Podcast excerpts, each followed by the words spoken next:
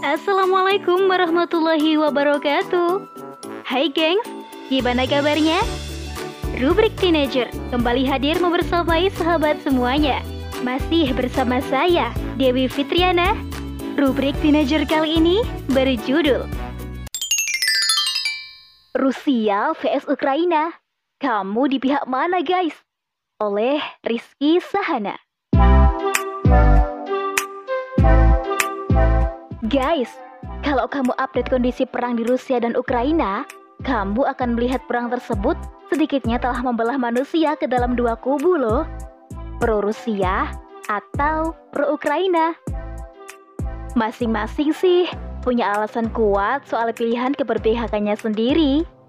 Di jagat medsos nih, kedua kubu bergulat dalam berbagai komentar dan perang status.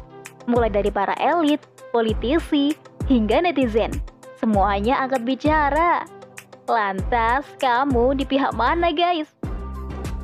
Memang benar, Ukraina sih nggak layak dibela dari sisi keberpihakannya kepada Israel yang terang dilontarkan oleh presidennya melalui cuitan di Twitter. Amerika Serikat dan NATO yang berpihak kepada Ukraina juga adalah kumpulan negara arogan, sewenang-wenang, lagi berstandar ganda. Sama sekali nggak layak dipuja deh. Betapa sepak terjang mereka di Irak dan Afghanistan telah jelas menunjukkan wajah kejam dan serakah mereka terhadap kawasan. Sementara kemunafikan mereka tampak benderang, kalah mereka inkonsisten dalam menyikapi pelanggaran wilayah atas negara lain guys. Buktinya nih, nggak berselang lama pasca Rusia menginvasi Ukraina, Amerika Serikat dan NATO langsung mengecam keras sembari menjatuhkan sanksi terhadap Rusia. Tapi terhadap Israel yang puluhan tahun menjajah Palestina, Amerika Serikat dan NATO bungkam seribu bahasa tuh. Bukankah yang dilakukan Israel nggak jauh berbeda dengan apa yang dilakukan oleh Rusia? Bahkan Israel lebih rakus tuh terhadap tanah Palestina dan lebih pengis lagi terhadap penduduk Palestina. Um, jadi apa Rusia nih yang lebih layak dapat dukungan? Eits, tunggu dulu guys. Jangan buru-buru. Kita mesti meneliti dulu nih, siapa Rusia sesungguhnya, bagaimana sepak terjangnya, dan apa visinya.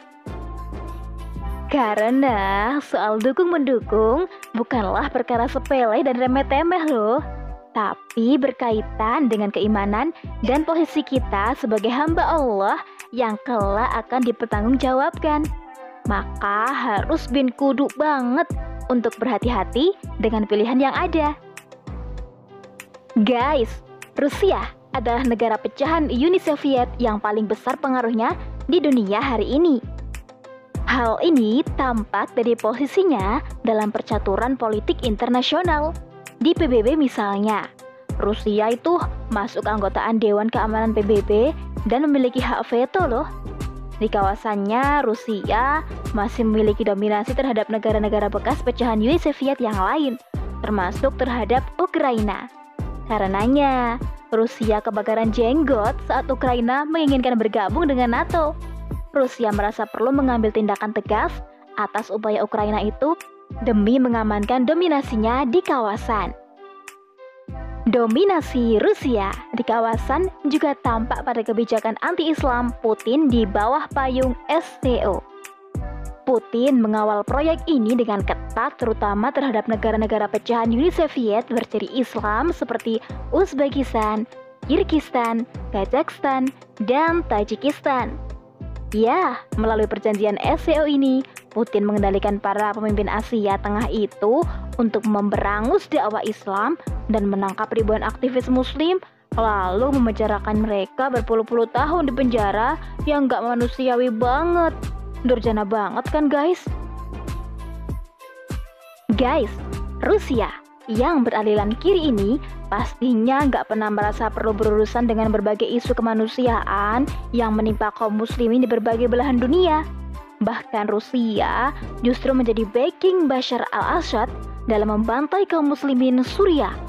Rusia juga sekutu Cina yang membisu saat Cina menindas muslim Uighur di Xinjiang. Sayangnya guys, fakta-fakta kejahatan Rusia gak banyak diketahui oleh publik loh. Sebab yang sedang berada di panggung utama hari ini adalah Amerika Serikat dan sekutunya sebagai negara superpower. Setiap tindak tanduknya menjadi sorotan utama dunia. Karena itu, banyak dari kalangan kaum muslimin menjatuhkan pilihan dukungan kepada Rusia. Padahal Rusia tuh nggak jauh berbeda dari rivalnya Amerika Serikat. Tangannya sama-sama berlumuran darah kaum muslimin. Hmm, jadi gimana dong? Kita harus berpihak kepada siapa? Bengong aja gitu? Atau berdoa semoga perang cepat usai? Atau setidaknya berakhir di meja perundingan agar tak banyak memakan korban? Atau sekedar berdoa agar kaum muslimin di sana Allah jaga? Hmm, oke okay, oke okay, oke. Okay. Gini guys, kita sebagai muslim harus memiliki visi sendiri, yakni visi yang dituntut oleh din kita. Jangan terjebak pada dua pilihan saja guys. Seakan-akan hanya pilihan itulah yang harus diadopsi. Padahal kan masih banyak opsi lain, ya kan?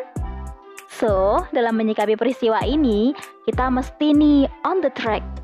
Tetap waspada dengan kesadaran politik yang tinggi. Tapi tidak melupakan agenda utama, mewujudkan peradaban mulia. Mendoakan yang terbaik untuk muslim Ukraina gak salah.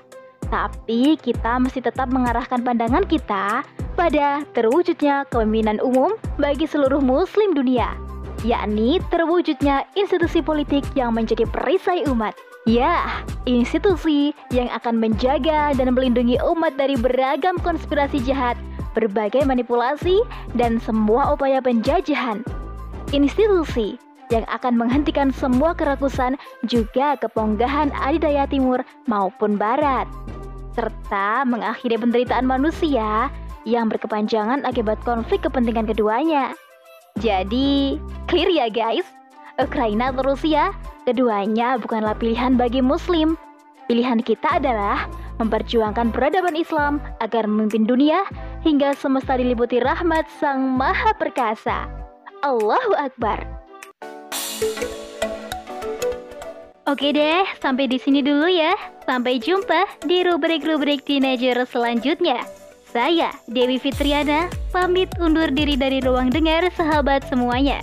Wassalamualaikum warahmatullahi wabarakatuh.